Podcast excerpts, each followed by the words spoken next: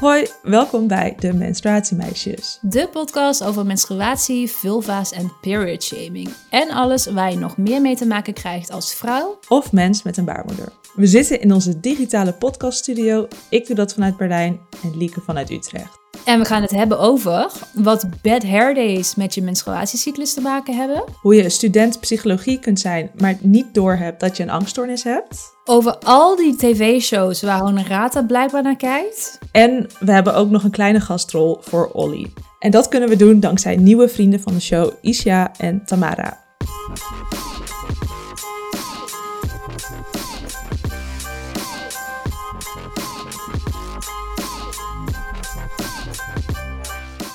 Nou, we gaan zo helemaal los over een steekje los.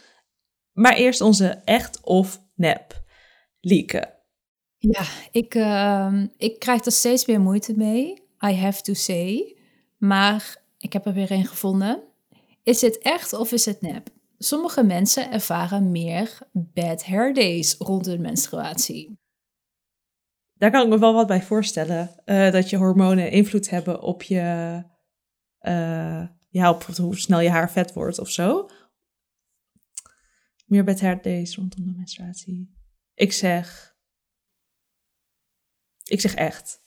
Ja, hij is ook echt. Ik vond hem ook al zelf al makkelijk, maar ik dacht misschien, weet ik veel. Nou, het gaat om het idee. Klopt ook helemaal. Eh, Oké, anyways, je hebt ook nog gelijk eh, over waardoor dat dan komt. Want eh, je huid en hoofdhuid veranderen als reactie op hormonale variaties tijdens je cyclus. En het boosdoener is dus inderdaad meer talgproductie rondom je menstruatie. En de laagste talgproductie zit dan weer tijdens de tweede week van je cyclus. Dus dat. Heb jij dat wel eens ervaren, Nagata? Nou, ik heb wel dat het varieert. Ja, maar ik weet, ik heb niet getrackt. Jij? Eh, nee, ik heb sowieso, ja, in het algemeen natuurlijk wel betere of minder, minder goede dagen. Maar ik heb nog nooit gedacht, oh, dat hangt wellicht samen met mijn cyclus. Dus daarvoor zou ik het ook moeten tracken. Nou, kom ik ook ter- op terug over na een paar afleveringen. Gaat een clue invullen, mensen. Bad hair days. Ja, Nou, dan staat het helaas nu 15, 14 voor jou. helaas. Helaas. Eh, maar dan gaan we nu gewoon vrolijk door naar de menstruatiemail. Ja, we kregen een berichtje van Jana. Eerst even een kleine waarschuwing voor als je niet tegen bloed kan. Ga dan even een paar minuten verder naar onze boekbespreking. En dan ga ik nu een stukje voorlezen. Hoi, ik heb jullie nog niet zo heel lang geleden ontdekt, dus ik ben nog afleveringen aan het inhalen. Maar ik ben een fotoproject aan het doen over het leven zoals het echt is, messy and all, waarin ik ook menstruatiefoto's maak. En nu ik dat aan het doen ben, vraag ik me af of ik de enige ben die het volgende heeft. Als ik menstrueer, is het soms precies zo alsof ik een lange draad bloed heb die naar buiten hangt. Je kunt daar ook precies aan blijven trekken. Oké, heb jij dit? Eh, ja, ik heb dit al een tijdje, dat, ik, eh, dat het een draad is. En ik maak me daar ook een beetje zorgen over. Ik heb ook een afspraak staan bij de gynaecoloog, want op internet kwam ik er niet uit. Maar ik dacht, tot die tijd kunnen we misschien onze luisteraars oproepen om mee te denken of te delen of je dit hebt. Of je dit ook hebt en of jij wel weet wat het is. En het is dan dus een draad uit je vagina of een draad in je menstruatieproduct? Of... Ja, nee, dus als ik mijn cup uitdoe, dan heb ik heel vaak een draad tussen mijn, mijn, mijn vulva, zeg maar, vagina vulva, en mijn cup. En die moet ik dan ook soort van doorbreken. En ik krijg hem ook heel moeilijk stuk. Oké. Nou, eh, volgens mij is wel duidelijk dat ik dit niet heb. Anyway, eh, laten we hem ook no- noteren voor de aflevering met onze gynaecoloog binnenkort in het nieuwe jaar. Eh, en in de tussentijd reageer vooral. Als je dit ook herkent, stuur ons dan een mail. Mag ook over iets anders gaan. Stuur ons gewoon menstruatiemail in het algemeen. Via menstruatiemeisjes.nl slash menstruatiemail. En dan gaan we nu het boek van Iris ter bespreken, Een steekje los. Ja, en het is een beetje een informele boekenclub. Want ja, het kan niet en een special zijn en een boekenclub. Eh, maar stiekem maken we er toch een beetje een boekenclub aflevering van. Toch een boekenclub, maar Ja. staat niet in de titel. Ja. Want dat past er niet. Allereerst, we hebben het boek gekregen. Maar verder is deze aflevering niet gesponsord. En was het maar zo feest. En allereerst de omslag. Ja, traditiegetrouw gaan we die even reviewen. Een traditie van één aflevering lang, maar is goed. Traditie, maakt niet uit. Het is gewoon al een traditie. Ehm, zal ik even beschrijven wat ik zie? Ja, Ik zie een persikkleurige omslag. Erg mooie kleur, vind ik. We zien Iris, blond haar, spijkerblouse, armen over elkaar. Ze Foto van. Bianca Toeps, dus dat is een goede foto. Zeker. Ze kijkt naar boven, naar de titel, namelijk Een steekje los. Ondertitel is Leven met angst. En de titel is geborduurd met wit garen. En er zit een steekje los in de titel. Ja. Mm, en de achterkant is wit en daar staat gewoon eh, de achterkant. Is dit jouw omslagreview? Ik vind het heel droog. Dit is geen review. Ik, zei, ne- ik vroeg net aan je, zal ik even beschrijven wat ik zie? Dat, daar ben ik nog steeds Ja. mee bezig. Ik begin nu mijn review. Ik vind dit een leuke cover. Ik, als wij, zelf, wij staan dus niet op ons eigen boek.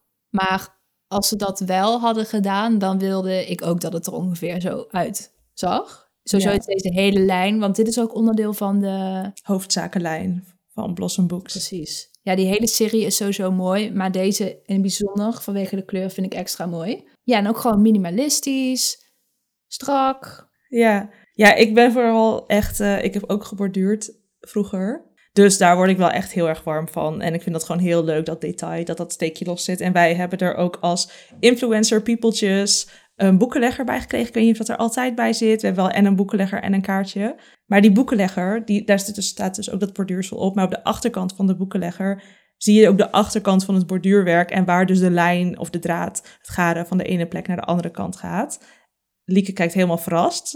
Ik Ja, zie dit vast. Ja, het is eh, het verschil tussen Lieke en Honorata hebben we nu uitgelegd in 10 seconden. Weet je wat ik wel had gezien? Dat het andersom stond. Dus je had niet. Ja, wat dacht jij dan? ik weet het niet. Ik zag het, maar ik dacht niks. Ik ging gewoon verder lezen of zo. Weet niet. Ja, nee, is helemaal goed, Lieke. En nu we het toch over boeken hebben, wij hebben ook een boek. Ben je ongesteld of zo? Ja, zoek je een cadeautje voor een puber, een feminist of een oom die bijvoorbeeld heel vaak ben je ongesteld of zo zegt? Nou, dan is ons boek misschien een idee. En die kun je ongeveer overal kopen, maar we zetten ook een linkje in de show notes. Nou, dan gaan we nu naar de binnenkant. Lieke, vertel. Wat vond jij? Nou, het eerste wat ik graag kwijt wil is dat dit boek echt zo fijn leest. Ik ben er echt doorheen gevlogen. En als mensen ook, nou, ga de hele tijd ons eigen boek erbij halen. Ehm, als mensen dat over ons boek zeggen, dan, denk, dan vraag ik me af van, ja, is dat nou iets goeds? Echt zo een twee uur uitgelezen. Maar inmiddels vind ik dat iets goeds. En ehm, bij Iris was dat ook het geval. Ik, ja, ik, nogmaals, ik ben er echt doorheen gevlogen. Ik moest ook soms hardop lachen. Waar moest je om lachen? Oh nee, dat weet ik niet meer. Maar het feit dat ik harder moet lachen, dat, dat is een goed teken. Ik weet dat dat, altijd dat jij dan confused raakt. Want dan denk je dat ik het ergens met je wil over, over Ja, dat, dat, ik denk dan dat ik iets moet vragen van waarom lach je? Maar jij lacht dan gewoon in je eentje op memes of zo. Precies. Ja. En ik moest ook heel vaak lachen om het boek van Iris. Want ze heeft heel veel humor en heeft dingen gewoon heel leuk. En soms een beetje droog opgeschreven. Nou, ik ook wel waarderen. En ik ga even een mooi stukje voorlezen. eh, wat de schrijfstijl heel goed representeert, vind ik. En waar je inhoudelijk ook heel goed wordt meegenomen in hoe een angststoornis voelt. Voor mij was er nooit een duidelijk begin. Er is geen eerste paniekaanval die een grote indruk op mij maakte wanneer de ellende begon. Mijn angsten waren altijd al sluimerend op een achtergrond aanwezig en namen geleidelijk toe in, hun kracht. Door steeds meer te vermijden gaf ik ze de brandstof die ze nodig hadden om mij uiteindelijk volledig in de greep te hebben. Ik zie mijn angsten als een grote octopus die van achteren over me heen groeide, als een monster. Hij groeide en groeide, kronkelde met zijn tentakels steeds strakker om mij heen en fluisterde gedachten in mijn hoofd die niet kloppen. Wat als je de weg niet kunt vinden, je te laat komt en iedereen je aanstaat als je, de laatste, als, je als laatste binnenloopt? Wat als je je heel na voelt als je daar bent? Dan kun je toch niet zomaar naar huis, hè? Je zit al vast. Sowieso dat je daar met zweetplekken in je shirt aanko- aankomt zetten na een lange treinreis vol zenuwen en dan vindt iedereen je vies en raar. Het vergiftigde me met angst en het drong langzaam door tot in mijn hele zijn. Als ik klein bleef, bleef mijn angstmonster dat ook. Oké, oké, ik blijf wel thuis, fluisterde ik terug, tot het monster weer kromp tot een klein tevreden blopje. Wilde ik toch iets buiten mijn comfortzone doen, dan injecteerde de octopus me direct met een dosis ziekmakende zenuwen. Het lijkt alsof je nooit kunt winnen van het angstmonster, doodmoe word je ervan. Zo vertellen ze het je niet in een college. Dus ja, wist ik veel. Ik ging er ook heel snel doorheen. Ik vond het heel prettig om te lezen aan de ene kant. En aan de andere kant ook confronterend, want ik herkende mezelf er heel erg in. En ik ontdekte ook dat ik bepaalde eh, aspecten van mijn persoonlijkheid niet meer door had. Zoals bijvoorbeeld, ze heeft het ook over perfectionisme. En ik ben ook heel perfectionistisch. En dan niet op de manier van, ik zit op mijn cv dat ik perfectionistisch ben en het is eigenlijk een voordeel. Maar op de manier dat het echt heel vermoeiend is en nooit goed genoeg en altijd beter kan. En daar wil ik, ben ik nu wel uh, ook meer mee bezig van, wat wil ik daar nog mee doen? Dus dat was wel een mooie reminder aan mij van dat ik er nog niet ben. Want bijvoorbeeld mijn PMDD, daar kan ik wel nu redelijk goed mee omgaan. Maar er zijn nog andere delen van mij die nog niet helemaal af zijn. Uh, dus dat was wel een fijne herinnering. Fijn is niet echt een goed woord. Uh, ja. ja, een welkome herinnering. Ja. Mm, waar ik het ook nog uh, even over wilde hebben is hoofdstuk 12. Uh, dat begint Iris met, ik ga niet weer een heel stuk voorlezen hoor, gewoon één zin. no worries. Als ik, één, als ik één vraag veel krijg, dan is het, hoe gaat Steve met jouw angsten om? Nou, en ik las die vraag en ik dacht meteen, red flag. Uh, ik weet niet of je de, ken je dat uh, interview met Lise Koppershoek bij De Wereld Draait Door? Ja, met de, waar heel erg de focus op uh, hoe Tim Hofman ermee omgaat, toch? Met over de docu van Mijn Seks is Stuk of zo? Ja, precies. Dus Lise had een docu gemaakt over haar seks die stuk was, blijkbaar. En Matthijs was echt alleen maar van... Hoe is dat voor Tim? Tim? Ja. Hoe komt Tim dan aan zijn trekken? Gaat hij niet weg bij je? Nou, alleen met Tim zit, zit Tim. Dat is echt een van de naarste tv-interviews in de Nederlandse tv-geschiedenis. Als je het mij vraagt. Tegelijkertijd ik begrijp het wel dat hij zo denkt of zo, maar dat is totaal geen rechtvaardiging. Maar het is natuurlijk heel easy om je voor te stellen hoe lastig het is voor een ander, omdat jij vaak die ander bent. Yeah. Maar sinds dat zo'n ophef creëerde, geheel terecht, heb ik mezelf echt heel erg aangeleerd om niet vanuit dat perspectief meer te kijken, maar juist eerst te beginnen bij de persoon die ermee dealt. Uh, ik hoop ook niet dat ik jou ooit heb gevraagd, Gata, van hoe is dat voor Erwin? Maar volgens mij niet. Anyway, ik dacht dus van, oh, interesting. Hoe zal ze met deze vraag omgaan? Nou, ik vind dus dat ze daar heel mooi ruimte aan heeft gegeven op een eervolle manier en zonder zichzelf weg te cijferen. Dus ik vind dat ze dat gewoon knap heeft gedaan. Ze heeft dus Steve de ruimte gegeven om zelf een verhaal te doen en dat ook niet voor Steve op papier te zetten. Maar het staat echt zo, haar eigen verhaal staat voorop, dus dat vind ik goed. Yeah. En Steve is gewoon lekker nuchter en eerlijk en ja. Yeah. Wat ik heel mooi vond, ik volg Iris al een hele tijd en jij volgens mij ook uit haar groene bloggerperiode tot aan borduurshop. En op een gegeven moment heb je dan het idee dat je iemand best wel goed kent. Of dat je bepaalde delen van iemand best wel goed kent. En ook omdat ze veel deelt over haar angsten bijvoorbeeld op Instagram. Maar met dit boek kreeg ik wel echt nog een stukje Iris cadeau, zeg maar. En het vond, ik vind dat zo mooi en zo dapper als mensen dat doen. Dat zodra het naar de drukker gaat, staat het gewoon zwart op wit, ligt het in de winkel, in de biep. Iedereen kan het lezen en ik vind dat zo dapper en zo, ja, zo mooi. En ik vond het ook leuk om Iris nog een stukje beter te leren kennen. En ik denk dat we haar nu nog een stukje beter gaan leren kennen. We gaan met de bellen. Digitaal bij ons aangeschoven is Iris ter Haar. Er was een tijd waarin ik s'avonds laat een hele biografie, biografie van onze gast ging voorbereiden en die dan ging voorlezen. Tegenwoordig vraagt de gast gewoon zelf om te vertellen wie degene is, wat degene doet, net zo makkelijk. Dus Iris, aan jou ook de vraag, waar kunnen mensen jou van kennen? Ja, ik ben Iris. Um, je kan me kennen van mijn uh, blog die ik vroeger had. Ik ben irisniet.nl. Daar uh, schrijf ik inmiddels niet meer op. Maar ik heb nog wel mijn Instagram-account met dezelfde naam waar ik uh, heel actief op ben. Vooral stories plaatsen vind ik heel erg leuk. Ik heb nu een paar jaar een borduurwebshop, irisborduurt.nl. En ik heb onlangs een boek uitgebracht bij uitgeverij Blossom Books. En die heet Een steekje los. Dus uh, helemaal in borduurthema. Maar het gaat niet over borduren, maar over angst. Ja, dat is echt... Uh, heb je wel een soort van geluk gehad dat je hobby samenging met, je, met het thema van je boek? Toch? Of hobby is misschien niet het goede woord. Ja, maar- want ehm, ik wist als eerste al de titel van het boek, maar nog niet wat ik zou gaan schrijven. Maar ik zei gelijk al, nadat ik het eerste gesprek had gehad met de uitgever, van ik weet de titel al. Hij zei, oh wat dan? Ik zei, ja, heel voorzichtig. Het is denk ik wel nog een werktitel hoor, maar een steekje los. En toen zei ze gelijk, oh nou, volgens mij is dat geen werktitel, dat wordt hem gewoon. maar toen moest ik het boek dus nog schrijven. Ja, want normaal is het inderdaad andersom. Volgens mij hadden wij hem ook wel redelijk stijl. Eh, als in, we hadden nog niet veel geschreven, toen hadden wij ook onze titel. Maar vaak hoor je inderdaad dat het boek helemaal af moet zijn... en dat je dan pas je titel gaat bedenken. Klopt, ja, zo gaat het meestal wel. Bij mij ging het andersom. Ja, maar eh, het is natuurlijk ook knallen van een titel. Dus dat begrijp ik helemaal. Uh, dankjewel. Iris, naar het boek. Het gaat over leven met angst. En kun je ons misschien eerst uitleggen wat een angststoornis is?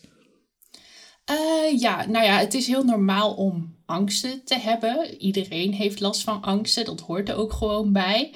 Uh, maar op een gegeven moment als die angsten zo erg worden en je hebt er ook langere tijd last van en het heeft echt invloed op je dagelijks leven en je lijdt er echt onder, dan kan je wel spreken van een angststoornis. Of, nou ja, een psycholoog moet die diagnose natuurlijk stellen, maar die kans uh, kan er dan wel in zitten, inderdaad. Wanneer uh, realiseerde jij je dat? Nou, dat duurde eigenlijk best wel lang. Ik was sowieso altijd wel uh, een beetje angstig aangelegd, zeg maar. Als kind ook al wel. Maar echt dat ik zou zeggen, nou, ik heb een angststoornis. Dat, um, dat kwam eigenlijk pas toen ik al aan de bel had getrokken bij de huisarts. Uh, om op een wachtlijst te komen bij een psycholoog. En ja, het ging gewoon helemaal niet goed. Ik had al een uh, ADHD-diagnose trouwens. Dus ik dacht heel erg van, nou ja, het zou daar wel mee te maken hebben dat ik niet goed functioneer.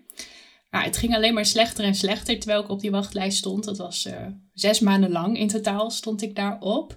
En toen, uh, nou, ik las heel veel zelfhulpboeken en dat soort dingen. Want ik dacht, ik moet uh, deze tijd goed besteden. Dat is heel belangrijk, dat ik goed voorbereid ben. En ja. toen las ik een boek over een vrouw met een angststoornis. En ik dacht echt, nou, hè, dit, ik herken dit echt helemaal 100%. En ik dacht ook echt van, hè, maar ik, ik dacht dat iedereen zich zo voelde. Hondje? Ollie? een Ollie? Komt die, hoor je dat? Hoor je al getik? Ja, we hoorden echt zo trippel, trippel, trippel. Nou, er zit Ollie ja. bij deze ook gewoon in de podcast. Ja.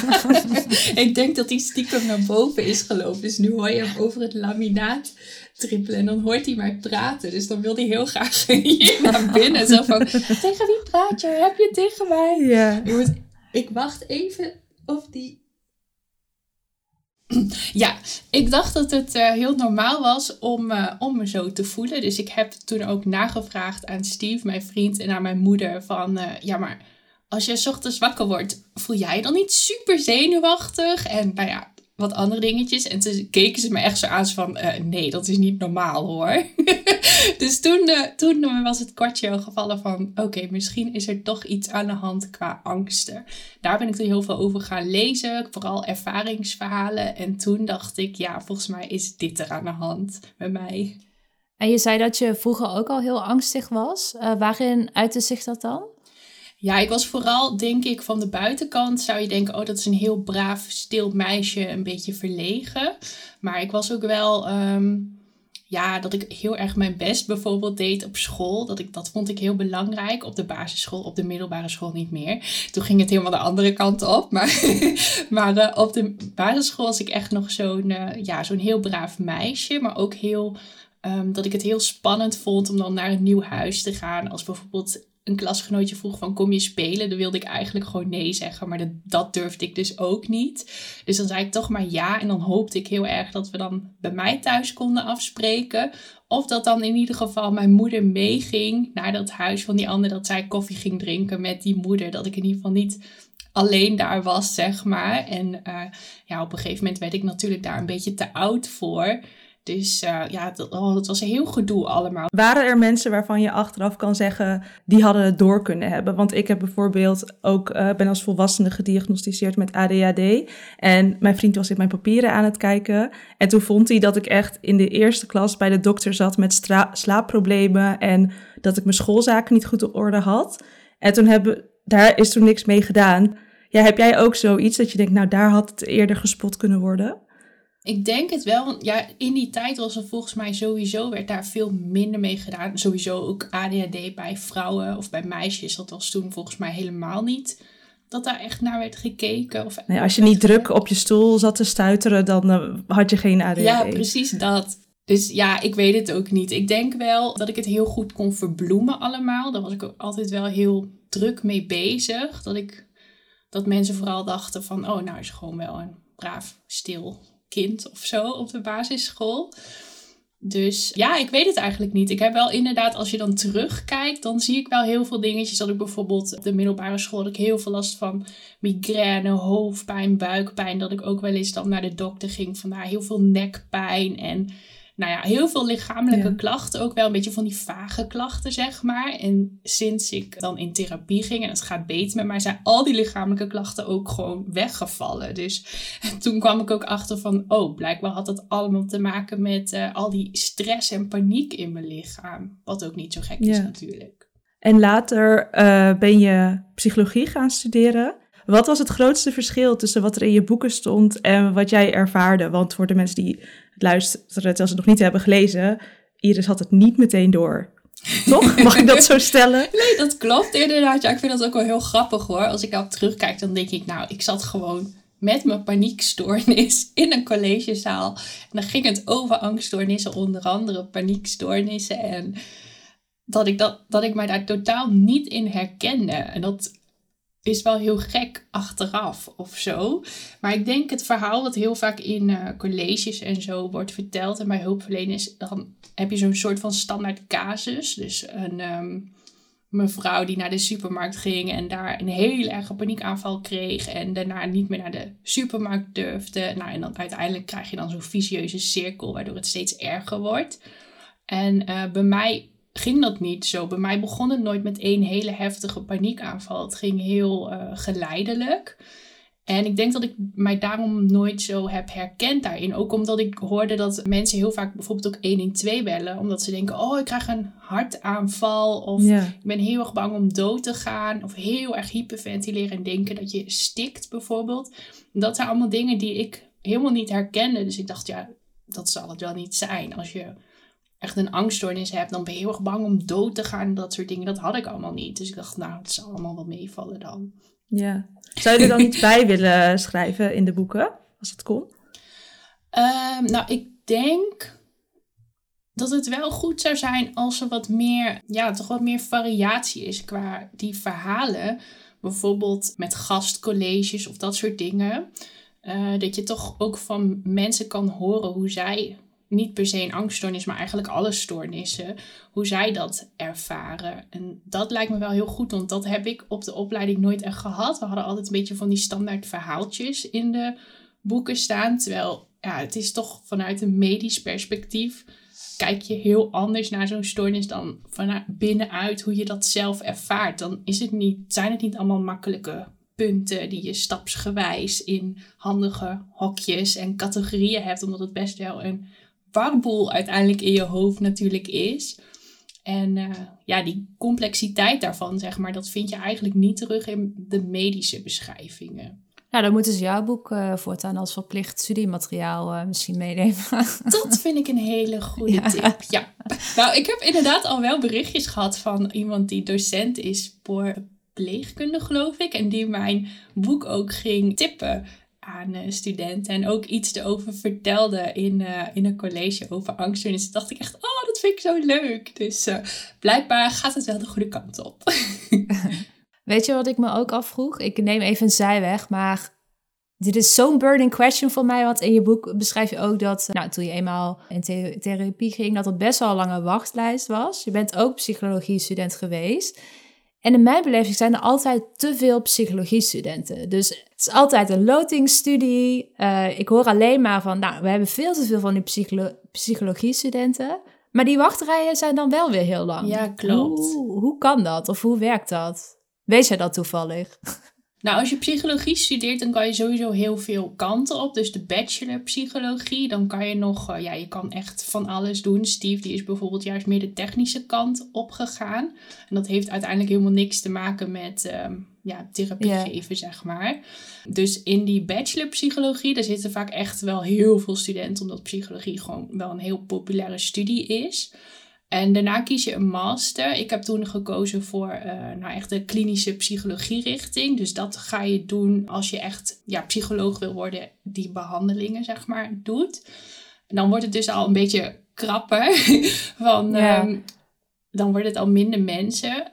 Maar dan moet je aan best wel veel dingen voldoen als je echt zeg maar GZ-psycholoog wil worden. Dus je moet sowieso een stage eh, doen. Die moet je vinden. Je moet een stageplek vinden. Dat is natuurlijk ook al wel lastig. Dat lukt vaak nog wel. Daarna, als je die master af hebt gerond, moet je nog weer een postmaster doen. En dan heb je dus ook een opleidingsplek binnen een GGZ-instelling of zo nodig. Maar die opleidingsplekken zijn heel lastig te vinden. En soms, ik weet niet of dat inmiddels al is veranderd, maar het was toen ook wel heel vaak zo dat het niet eens betaald was. Dus dan ja, moet je eigenlijk gewoon het geluk hebben dat je nou ja, heel vrijgevige rijke ouders Mm. hebt. Of ehm, je woont nog thuis. Of een beetje op die manier. Dus eh, volgens mij gaat het daar ergens mis. Dus er zijn wel heel veel psychologiestudenten, maar die stap naar dat je echt GZ-psycholoog kan worden, zeg maar, dat is best wel Ja. lastig. Lieke dacht het even Dus op te ja. lossen. Hallo, zijn toch vet veel eh, psychologie-studenten?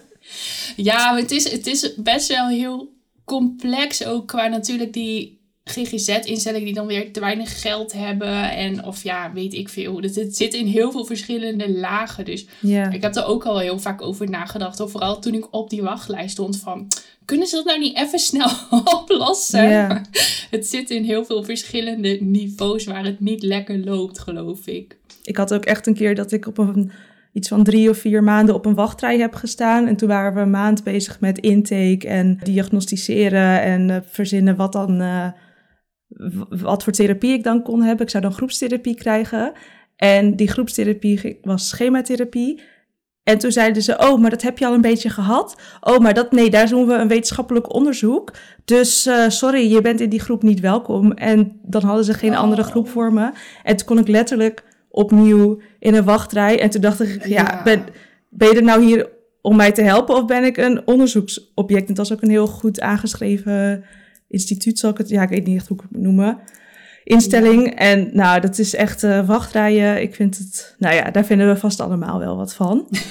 Ja, dat is heel erg. Dat is echt, daarom is dat ook wel een groot deel in mijn boek geworden. Omdat ik het zo erg vond om op die wachtlijst te staan. En het, het werd ook alleen maar erger en erger en erger. Ik denk echt dat het eh, niet zo erg uiteindelijk was geworden als mijn wachtlijst veel korter was geweest. Maar Ja. ja, dat weet je natuurlijk niet achteraf. Maar dat is wel iets waarvan ik hoop dat mensen dat beter beseffen. Van dat is echt wel heel erg, die wachtlijsten. Ja, ik, ik vind ook dat je het goed hebt beschreven. Want ik voelde echt die pijn. Vandaar ook deze vraag. Maar nu hebben we dan in ieder geval de complexiteit van het probleem debunked of zo. Ja. Maar goed. Ik heb een totaal andere vraag. Want je hebt nu je diagnose gedeeld. Dat is sowieso al niet niks. Je was wellicht iets gewend door je blog en Instagram. Maar hoe is het nu om heel specifiek te delen waar je zo mee dealt? eh, en al die voorbeelden te geven? Ja, ik vind dat dus echt heel erg fijn. Ik heb er sowieso ook niet zo heel veel moeite mee om eh, mezelf bloot te geven online, zeg maar. In het echt ben ik wel wat afstandelijker, maar op online vind ik het eigenlijk altijd heel leuk en gezellig. En het, ik weet niet, mijn Instagram voelt ook altijd wel als een veilige plek, zeg maar, met hele leuke volgers. Dus ik ben wel gewend om eh, ja, veel over mezelf te vertellen en te delen, omdat ik ook heel vaak leuke berichtjes krijg van mensen die zeggen, oh, ik herken me er zo in en zo fijn om te horen dat ik niet alleen ben. Dus dat vind ik natuurlijk ook weer heel fijn om dan te horen. Maar je blijft wel, ehm, je mist altijd wel een beetje context op social media. Dus heel veel mensen kunnen ook nog steeds wel iets van een vooroordeel erbij hebben van, oh, angststoornis, dat betekent dit, dit en dit. Die hebben dan toch een bepaald beeld daarbij. Terwijl, ja, iedereen is natuurlijk anders. En daarom vond ik het ook heel fijn om alles heel uitgebreid in mijn boek te kunnen schrijven. Voor mezelf ook. Omdat het, nou ja, het geeft wat meer overzicht voor mezelf op een meer therapeutische manier. Maar ook dat ik de context had. Dat ik kon laten zien van, nou kijk, dit, dit is het. En ehm, ja, dat, dat vond ik eigenlijk heel fijn. Ik herken ook wat je het zegt over dat je privé dan misschien niet zo heel, of je volgens mij noemde je het afstandelijk. Zo voel ik me ook, zeg maar. Ik ben in privé niet heel open. En nu ineens op, op onze Instagram en onze podcast vertel ik echt van alles en nog wat. En mijn vrienden denken echt, Lieke, what the heck are you doing? Maar dat is toch anders dan zo op Instagram. Maar fijn in ieder geval dat, uh, dat je dat zo ervaart. Terug naar het boek. In de inleiding genaamd Lang leven de lockdown begin je met een soort dagboek over hoe andere mensen de lockdown ervaren versus hoe jij die ervaart. En toen ik dat las, vroeg ik me af, hoe kijk, je naar de toekomst? Uh, hoe kijk je naar na de pandemie?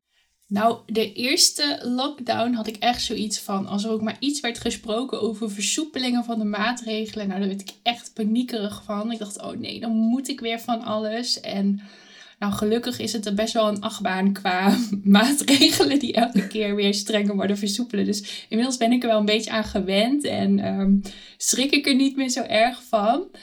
En ik zag ook ineens het licht, want um, blijkbaar heb je niet per se een pandemie nodig om gewoon aan te geven wat je wil. Nou. dus.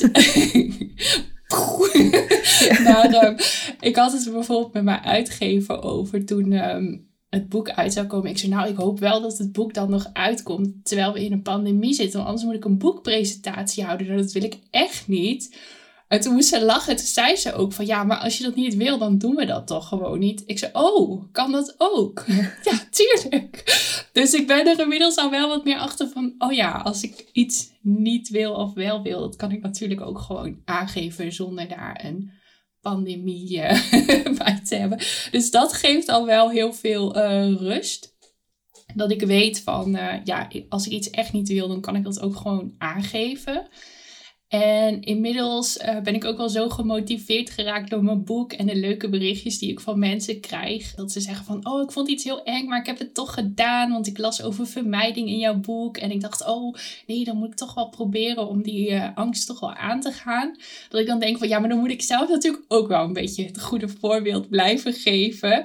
Dus ik heb nu zelf ook wel wat meer lol erin, zeg maar, om dan toch wel elke keer een beetje die grens te verleggen. En um, toch te denken van, ah, ik wil eigenlijk toch wel uit eten. En dat ik dat dan deel via Instagram ook. Zo van, kijk wat ik aan het doen ben. Of zo op zo'n manier. En dat is echt zo leuk. Dan krijg ik allemaal van die leuke berichtjes van mensen die zeggen, oh wat goed van je. En uh, ja, dus uiteindelijk heb ik er wel iets meer lol in gekregen, gelukkig.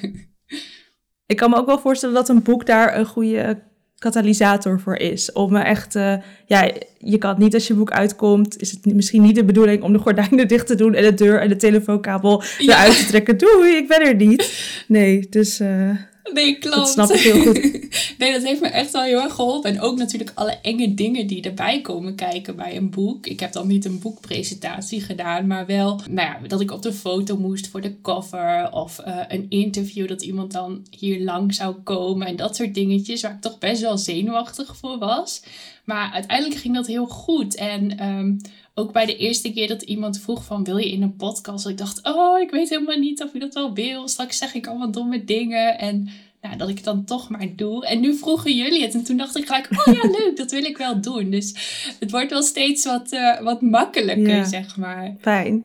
Ik had zelf dat ik, uh, ik ben al heel lang freelancer. En nu doe ik een Duits cursus. Ik weet niet, ik zit echt overal te vertellen over deze Duits cursus. Maar ik ben echt voor het eerst en sinds jaren uh, moet ik vijf dagen per week, twee, da twee weken lang, uh, ergens naartoe. En daar zijn uren lang. En ik heb dus ook PMDD, dus mijn cyclus. Soms voel ik me gewoon goed en dan twee weken voel ik me niet goed. Nou, bla bla bla. Um, en ik heb dus een beetje kunnen merken hoe het zou zijn als ik fulltime zou werken. En ik eh, was ook jouw boek aan het lezen. En ik was aan zoveel dingen aan het denken. Ik dacht, oh, ik ben met flooding bezig. Hoe kan ik dit aanpassen? Wat moet ik doen? Ik ging bijvoorbeeld achter in het klaslokaal zitten, want ik vind het niet fijn als er mensen achter mij zitten. Dat kost me heel veel energie. Toen zei de docent, ja, morgen moeten jullie op een andere plek zitten, want uh, ik wil niet dat jullie dit op dezelfde plek zitten. Toen heb ik haar gevraagd van, gevraagd, hallo, ik ben 28, ik ga niet vragen. Toen heb ik gezegd van, ik wil graag achter uh, zitten, want anders kan ik me niet goed concentreren. Nou, allemaal dat soort dingen. Maar ik heb wel gemerkt dat dan ik toch niet helemaal in het gewone systeem pas. Ik weet niet of jij dat soms moeilijk vindt van, ach, ik had er toch wel in willen passen eigenlijk? Oeh, ja, dat is wel een goede vraag. Ja, ik, ik denk nu heb ik dat niet meer. Maar nog, um, dus voor de therapie en ook wel tijdens de therapie had ik wel heel vaak dat ik dacht, oh, was ik maar gewoon normaal of zo. Dat ik toch wel met een beetje jaloezie of zo keek naar andere mensen. Ik dacht, oh, ze zien er allemaal zo ontspannen uit bij gewoon, weet je wel, de normale dingen kunnen zij allemaal gewoon. Dat is natuurlijk ook heel erg zwart-wit denken, want het is niet zo dat alle andere mensen alle dingen kunnen doen. Maar zo voelt dat dan soms. En dat, dat vond ik soms wel heel Um, heel oneerlijk. En daar kon ik ook wel heel verdrietig van worden. Maar ik denk, nu heb ik mijn leven wel zo ingericht. En ook wel heb ik het wel in balans qua dat ik mezelf een beetje blijf pushen soms. Maar ook wel heel mild kan zijn van nou, dit doe ik nu even niet. Of ik zoek daar toch een middenweg in van hoe kan ik dit toch doen, maar niet dat het echt te veel energie van me vraagt. En dat gaat eigenlijk wel heel goed. Dus ik heb daar nu eigenlijk helemaal geen last meer van. Ik ben nu best wel blij met uh, hoe het gaat. En ook de dingen die het me brengt natuurlijk. Want dat merk ik ook wel heel erg. Ik had het boek anders nooit geschreven. En ik heb mijn hele leven dan wel heel vaak ingericht. Um, ja, dat het zeg maar paste bij mijn angsten. Wat eigenlijk niet zo goed is, omdat je natuurlijk heel veel dan gaat vermijden. Maar daardoor heb ik nu wel een borduurwebshop bijvoorbeeld, waar ik echt super blij van word. Dus ehm, nee, ik ben eigenlijk wel heel blij met hoe het nu gaat. Ze liet Duitse koekjes zien. En toen zei ze dat iedere huisvrouw in Duitsland uh, uh, haar eigen recept heeft. En toen zei ik dus spontaan automatisch, een soort van, of huisman. En ik wilde heel graag, ik verwachtte dat zij zou zeggen van, oh ja, zo. Maar zij zo, of huisman.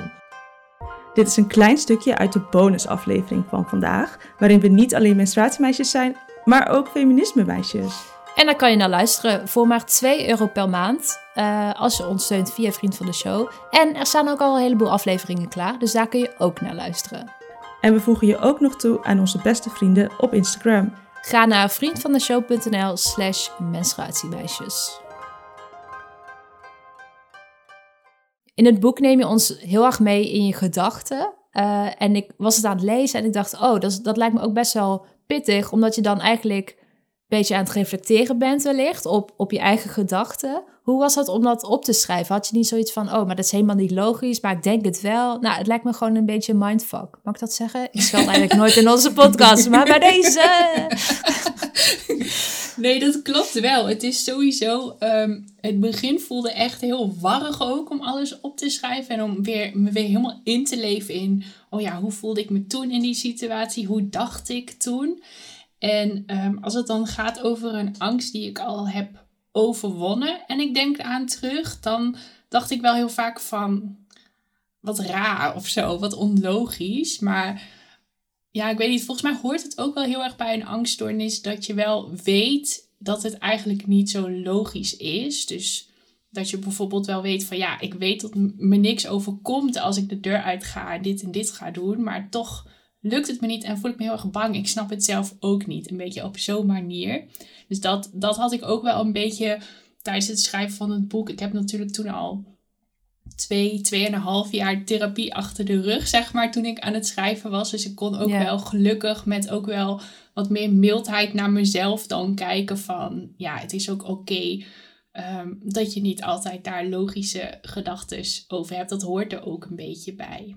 En je schreef ook over je zus en dat zij geen angststoornis heeft ontwikkeld of paniekstoornis. Terwijl ze wel grotendeels dezelfde jeugd en opvoeding en gene heeft meegekregen. Uh, hoe kijk je daarnaar? Ja, dat is eigenlijk wel heel grappig, want daardoor kan ik wel heel goed zien uh, welke aspecten bij mij waarschijnlijk erin meespelen, waardoor ik wel zo angstig ben. En mijn zusje is echt totaal niet angstig. Die uh, gaat nu ook weer voor de tweede keer parachute springen, geloof ik. En nou ja, echt die dingen die ze allemaal doet. Dan denk ik echt van, oh my god, al kreeg ik duizend euro, zou ik dat nog niet doen. Maar uh, ja, zij is gewoon heel outgoing en heel extravert. En zij is ook veel meer, als er bijvoorbeeld dan, uh, weet ik veel, een ruzie of zo thuis was. Zij was veel meer van dat ze dan terugschold en de deur uitging en dan met vrienden nou, ging afspreken. Ik kan me heel erg voorstellen dat dan alles wat makkelijker van je afglijdt, zeg maar. Van nou, rot toch op, ik ga naar buiten en ik ga lekker, nou ja, je gaat met je vrienden bezig.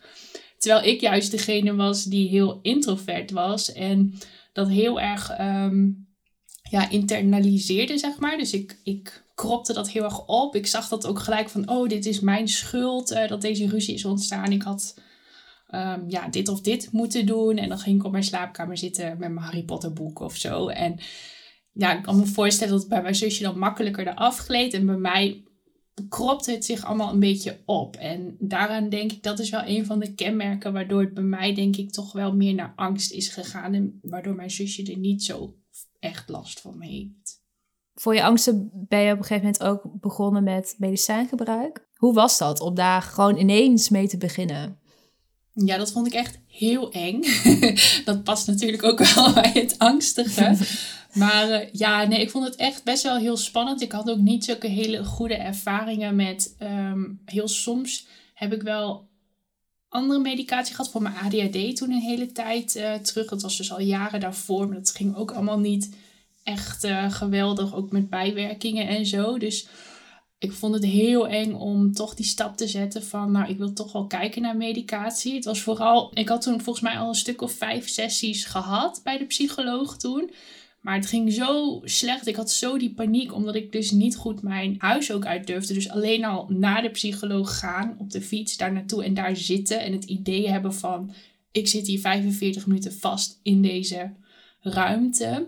Dat gaf al zoveel paniek dat ik eigenlijk al helemaal niet tot therapie toekwam. We waren eigenlijk alleen maar bezig met dat ik mijn paniek wat kon laten zakken. Dus ik had zelf ook wel door van ja, volgens mij gaat dit zo niet werken. Dus toen heb ik wel uit mezelf ook gevraagd van ja, ik wil toch wel een uh, gesprek met de psychiater. Dat we er toch gewoon naar kunnen kijken wat er mogelijk is. En toen heb ik al mijn angsten ook wel besproken. En die psychiater was echt een hele aardige vrouw. En die, die heeft echt heel goed rekening gehouden met mijn angsten wel. En ze heeft alles ook heel goed uitgezocht. Met allemaal ingewikkelde DNA-eiwit afbraakdingen of zo, weet ik veel, dat ik niet rare bijwerkingen zou krijgen. Dus dat gaf mij ook wel heel veel vertrouwen van, oké, ik ga het proberen. Is het niet wat, dan kan ik er altijd nog uh, ja, weer mee stoppen of iets anders proberen. Maar dat beviel gelukkig uh, al best wel snel heel erg goed. En uh, uiteindelijk moest die dosis dan nog even goed afgestemd worden. En, maar ik slik ze nu nog steeds. Dus nu na drie jaar, geloof ik. Drieënhalf jaar, zoiets, neem ik ze nu. En uh, nee, ik ben er echt wel heel erg blij mee. Niet om medicijngebruik te romantiseren of zo. Want het is natuurlijk niet dat het dan alles oplost. Maar het heeft voor mij in mijn therapietraject wel echt echt heel veel goeds gedaan. Omdat het gewoon, ik kon gewoon wat rustiger ook in die sessies zitten. En um, ja, gewoon goed ermee bezig met de huiswerkopdrachten. En dat is natuurlijk wel heel belangrijk voor, uh, ja, voor het herstel. Ja, en knap dat je zelf ook die stap hebt gezet om te zeggen van... ik wil naar de psychiater. Uh, want het klinkt een beetje alsof je medicijnen een beetje voorwaardelijk waren... voor de rest van je therapie. Dus ik vind het wel knap dat je dat zelf realiseerde en daarop uh, aandrong. Ja, dat vond ik ook wel echt spannend hoor, om dat ook aan te geven. Want ik weet niet, soms dan voelt het ook van, ja, gaat het wel slecht genoeg met mij of zo, dat ik dan om medicijnen mag vragen of zo? Ik weet het ook niet precies, maar mijn psycholoog... Ja, lekker imposter syndroom er nog bij. Ja, dat, ja, precies dat. En dan had ik dus al met medicijnen van, mag ik, ben ik het wel waard om die medicijnen te gebruiken? Stel ik me niet gewoon aan en dat soort dingetjes. Maar uh, mijn psycholoog die zei ook wel van ja, je moet het ook gewoon echt zien als een kennismakingsgesprek. En van daaruit kijk je weer verder. Dus elke keer gewoon een klein stapje. Het is niet dat je zegt, ik wil medicijn dat je gelijk wordt volgepropt met Prozac of zo. Het is gewoon elke keer per stapje kijken hoe het gaat en dan weer een volgend stapje. En die medicijnen hielpen. Maar volgens mij is er ook nog iets anders dat hielp. En dat is Olly, waar ook bijvoorbeeld mee gelopen moet worden. En ik vroeg me af als het je niet lukte met het lopen met de hond, ik heb ook een hond, of Steve het dan overnam. Um, nee, volgens mij, ja, dan moest ik echt wel uh, echt ziek of zo dan zijn, bijvoorbeeld. Maar niet als ik zei van ja, ik wil echt niet uh, nu lopen, dan stimuleerde hij mij wel zo van, nou, loop gewoon even mee, dan gaan we wel een klein rondje toen het nog heel slecht ging, weet ik ook nog wel dat we dan elke keer afspraken van: oké, we bepalen niet van tevoren hoe ver we gaan lopen, maar we kijken per afslag, zeg maar, van: oké, ja, oké, nu kan ik nog wel het rondje wat groter maken. Dan gaan we hier rechtdoor en nog niet rechtsaf, dat we snel thuis zijn. En dan bij elke afslag weer bedenken van... Ik kan het me nu trouwens ook haast niet meer voorstellen, want nu lopen we heel vaak echt wel anderhalf uur of zo helemaal door een bos. Dus ik kan me nu al, als ik daar aan terugdenk, denk ik echt... Hè? maar zo, zo slecht ging het toen dat ik echt per afslag moest kijken van... Oké, dit ga ik nog. Nee, oké, nu voel ik me echt niet oké. nu wil ik weer richting huis. En dat, dat hielp wel heel erg dat hij daar... ehm, zeg maar begripvol in was, maar ook weer niet te begripvol dat hij zei van nou blijf maar lekker thuis, ik loop wel met de hond. Maar dat hij ook wel met mij keek van nou hoe kunnen we het dan ja, die middenweg zeg maar weer zoeken. Dus van ik ga dus wel naar buiten met de hond lopen, ik ga wel mee. Uh, maar hoe kunnen we het dan toch nog een beetje comfortabel maken? Dat het ook Ja. gewoon voor mij ook fijn is, zeg maar. Extra leuk dat Olly nu eregast is in onze podcast. Ik ga het er ook gewoon in laten bij deze, dat eh, getrippel op de achtergrond. ik heb ook een boekentip voor jou, Iris. Ik heb het ook aan Honorate cadeau gegeven voor haar verjaardag. Maar er, is, er bestaat een roman over het hebben van een hond. En het gaat deels over de werking van zo'n beest in je leven of zo. Ik leg, dit is de slechtste reclame ooit. Maar het heet Loslopen. En het is volgens mij een heel leuk boek. Dus, Het heeft mij ehm, van mijn leesangst eh, afgeholpen. Want ik durfde niet meer te lezen na het schrijven van het boek. Want ik was bang dat ik iets tegen zou komen wat ik in het boek had willen zeggen. Of dit is een goede intro. Eh, leuke woordgrap, whatever. En met dat boek ben ik van mijn leesangst afgekomen. En als tweede boek van het jaar heb ik jouw boek gelezen. Yes! Terwijl ik hiervoor 50 boeken per jaar las. Maar dit zijn mij tot Oh, nu toe mijn twee boeken van 2021. Eh, Oh, ik voel me vereerd. ja, dat is eh, helemaal terecht hoor. Ja.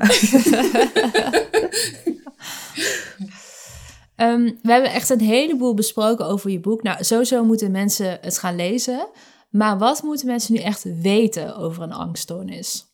dat het over kan gaan. Of in ieder geval beter kan worden. Dat is namelijk ook wel een vraag die ik echt heel vaak krijg van mensen. Ook als het zeg maar nog heel slecht gaat met hun zelf. Dat ze dan vragen van ja, ga- gaat dit wel? Is het bij jou nu helemaal over? En dan willen ze heel graag weten of het wel echt beter gaat worden. Want als je er middenin zit, dan lijkt het net alsof het dan kan je eigenlijk niet voorstellen dat het ooit beter gaat worden. Ik wist altijd wel van het gaat wel beter worden, maar ik voelde het volgens mij niet echt.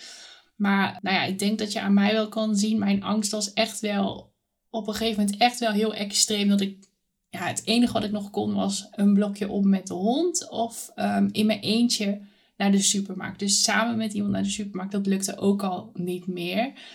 Ehm, nou ja, en nu ben ik eigenlijk best wel blij. En ik heb een borduurwebshop en een boek geschreven. en ehm, ik heb een leuke relatie. En ik heb een hele leuke hond. Het Dus, is helemaal gewoon een succesverhaal. En het is nog steeds wel dat ik, nou ja, het is niet dat de angst helemaal weg is. Het blijft denk ik altijd wel een kwetsbaarheid voor mij. Omdat ja, die patronen die slijten er zo erg in. Maar ondanks ehm, ja, dat ik dus wel op moet blijven letten dat ik niet terugval, zeg maar. Vind ik mijn leven wel heel erg leuk. Dus je kan er ook wel heel goed mee leven. En is er nog iets wat je heel graag zou willen, maar wat je nu nog net niet durft? Of wat je nog moet doen? Ik wil heel graag op vakantie naar Terschelling. Dat is mijn, dat is mijn doel. Je moet een vlag meenemen met je eh, iris erop. En dan als je op Terschelling met je vlag planten. Ja, oh, Ja. dat is echt een heel goed idee. oh, dat ga ik doen. Tot slot gaan we proberen om exclusieve informatie uit jou te halen. Is er namelijk iets niet in jouw boek terechtgekomen wat je er wel graag in had willen hebben? Nou, ehm, je had het net over leesangst. En ik had het dus ook wel een beetje. En ik ging een boek lezen over perfectionisme. En toen dacht ik, oh, daar had ik eigenlijk nog wel wat dieper in willen gaan. Maar dat is natuurlijk heel ironisch. Omdat dat mijn eigen perfectionisme is. Dat ik denk, oh nee, maar mijn boek is, was niet helemaal perfect. Dus ik heb nu ook wel met mezelf afgesproken van nee, dit is gewoon, dit boek is gewoon goed zoals hij is. En ehm, als ik nog allemaal dingen bedenk, dan typ ik dat in een Word documentje. Want je weet maar nooit, misschien ga ik nog wel een boek schrijven. Zou leuk zijn. Dus ehm, het is sowieso niet dan ehm, jammer of zo. Dat heb ik mezelf heel erg moeten vertellen. Dus er zijn wel soms dingen die in me opkomen. En denk, oh, dat had ik eigenlijk nog wel in willen zetten. Maar uiteindelijk, ehm, nee, het is gewoon goed zoals hoe die is geworden. Ja. Nou, ik wil je niet in je angsten en epelen, maar ik heb het perfectionisme er wel uit kunnen halen hoor. Dus het, het staat, er, eh, staat er goed in, volgens mij. Ja, en hij moet op een gegeven moment ook gewoon naar de. Ja, hij moet ook op een gegeven moment gewoon naar de drukker. Want anders was je waarschijnlijk nu nog aan het. Uh... Ja, dat is natuurlijk ook echt zo'n perfectionisme ding. Ik had echt, uh, als het niet zeg maar met een uitgever en zo was, dan was ik nu nog steeds bezig met schrijven. Ik denk de aankomende tien jaar nog wel. Elke keer weer bijschaven. Op een gegeven moment dacht ik ook echt van: oh my god, dit is het gewoon. Die laatste Nee, dat ging het op zich wel oké, omdat ik wist dan, ik kan het altijd nog aanpassen. Maar dat, laat, dat ik wist, die laatste deadline, dacht ik echt, oh, ik kon er echt ook niet van slapen. Omdat ik dacht, oh nee, dit is het, dit is het gewoon. Maar het is echt een vreselijk boek. Het, is, het slaat allemaal helemaal nergens op. Dan ging ik mezelf aanpraten. Maar goed, uiteindelijk uh, ben ik er gelukkig wel heel tevreden mee. Ja. Ook leuk dat je zo'n lijstje bijhoudt. Volgens mij moeten wij dat ook gaan doen. En dan is gewoon het ergste wat er kan gebeuren, is dat er een tweede boek komt. Maar dan hebben we volgens mij het prima voor elkaar. Ja, toch? Dan uh, maak je er toch iets positiefs van. Ja, exact. Uh, ik heb net tot slot gezegd, echt heel leuk. Maar echt als allerlaatste zijn we aanbeland bij de Try This at Home. Heb jij er één voor onze luisteraars? Ja, zeker. Um, ik denk dat een, uh, een praktische activiteit die je afleiding biedt, dat is echt, uh, nou dat is mijn redding geweest tijdens de wachtlijst, tijdens die wachtperiode. En nog steeds maak ik er heel vaak gebruik van. Voor mij is dat natuurlijk borduren, want je bent dan met je handen bezig en daardoor kan je even je hoofd uitzetten. En dat is zo fijn. Ik gun dat eigenlijk iedereen. Ik heb het idee dat heel veel uh, zoals in Amerika is het best wel hip om uh, te craften, om te knutselen. en dat Nederlanders toch iets uh, moeilijker daarmee zijn of zo. Want die hebben meer zo'n gevoel van ja, nee, maar ik moet het huis nog opruimen en zo. Daar heb ik allemaal geen tijd voor, dat geknutsel. Omdat het niet echt een doel heeft. Maar eigenlijk moet iedereen gewoon aan de knutsel. Um, ik vond borduren heel erg leuk, maar je kan natuurlijk ook gaan haken of breien of onkruid tussen de tegels halen. Iets met strijkkraaltjes. Ik kan ook nog Strijkkraaltjes. Ja. nou, maar dat zijn wel echt inderdaad allemaal van die dingen. Of gaan hoepelen of zo. Ik denk dat er voor iedereen wel iets is. Maar ja, je moet het natuurlijk even vinden. En um, nou, dat kan kan ik je echt aanraden om, uh, om iets te vinden wat lekker praktisch is. Nou, borduurspullen kun je natuurlijk bij mij kopen, dus dat raad ik sowieso aan om te gaan borduren. Maar goed, heel veel mensen vinden borduren ook niet zo leuk, wat ik heel goed begrijp. je moet heel veel geduld voor hebben natuurlijk. Dus uh, nee, maar er zijn echt heel veel leuke dingen wel uh, om te doen. Hashtag iedereen aan de knutsel. ik vind het helemaal mooi. En Iris, waar kunnen mensen jou volgen als ze meer willen weten over jou, je angst, je borduurwerk? Uh, ik ben het meest actief op mijn uh, persoonlijke Instagram-account. Ik ben Iris niet. En als je helemaal van het borduren bent, dan heb ik ook nog Iris Borduurt op Instagram. Waar ik uh, nou ja, de borduurdingetjes deel. Oké, okay. dan heel erg bedankt. Dankjewel, inderdaad. En dan gaan we nu naar de Gouden Cup. We sluiten af met de Gouden Cup. En deze keer gaat hij naar, je raadt het nooit, de tweede aflevering van dit seizoen van Bed and Breakfast. Heb je die gezien toevallig, Lieke? Nee, toevallig kijk ik dit tv-programma niet. Ik wist ook niet dat jij dit keek. Oh, ja, sorry, dikke confession. Maar in die aflevering uh, zien we dat een van de vrouwen een, een menstruatieproduct op de wc heeft voor de gasten. En een andere vrouw, sorry, ik heb de namen niet onthouden. Ik zeg altijd, ja, dat koppel van dat koppel met het rare huis, dat zeg ik altijd. Nou ja, in, anyway, niet in dit, deze aflevering zaten niet per se mensen met rare huizen, maar ik weet de namen allemaal even niet. Maar in ieder geval, één vrouw had uh, menstruatieproducten, iemand anders wees daarop en de edit heeft het er zeg maar ingelaten. Zo van, oh wat fijn dat dat hier is. En dat vond ik heel leuk, want dat is weer lekker buiten de bubbel. We maken het normaal. Uh, het werd gewaardeerd, het werd benoemd, het werd uitgesproken. En daar werd ik gewoon eigenlijk heel erg vrolijk van. Nou, uh, dus moet ik het tv-programma nu ook gaan kijken of uh, alleen het fragment? Anders kijk je, ja, vind je het niet leuk? Ja, ik ken het niet eens. Zo nou, ga deze aflevering dan maar even kijken, is leuk. Kijk je wel okay. Rijden de Rechter?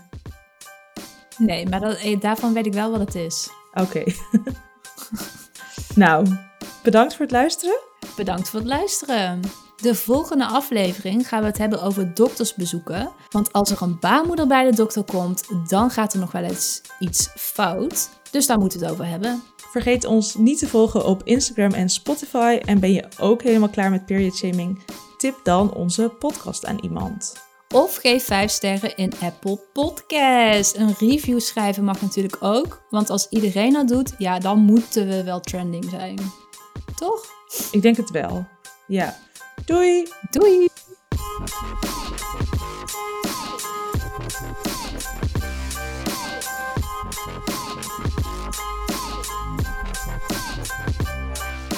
Dankjewel, inderdaad. Ja, wat dit einde gaat helemaal Sorry. mis. Dit is echt het slechtste einde ooit. Wie, gaat, wie gaat dit doen? Zal ik nog Jij doet het en ik hou mijn mond. Ik wil wel graag ook dankjewel zeggen. Dus laat je ruimte voor mij. Ja, is goed. Nou, heel erg bedankt Iris. Dankjewel, Ja, inderdaad. het super op. En dan gaan we nu naar de Gouden Cup. Nou, ik denk dat we een Ik Easter egg, eh, Easter egg hebben. Ja, gewoon allemaal. Ja.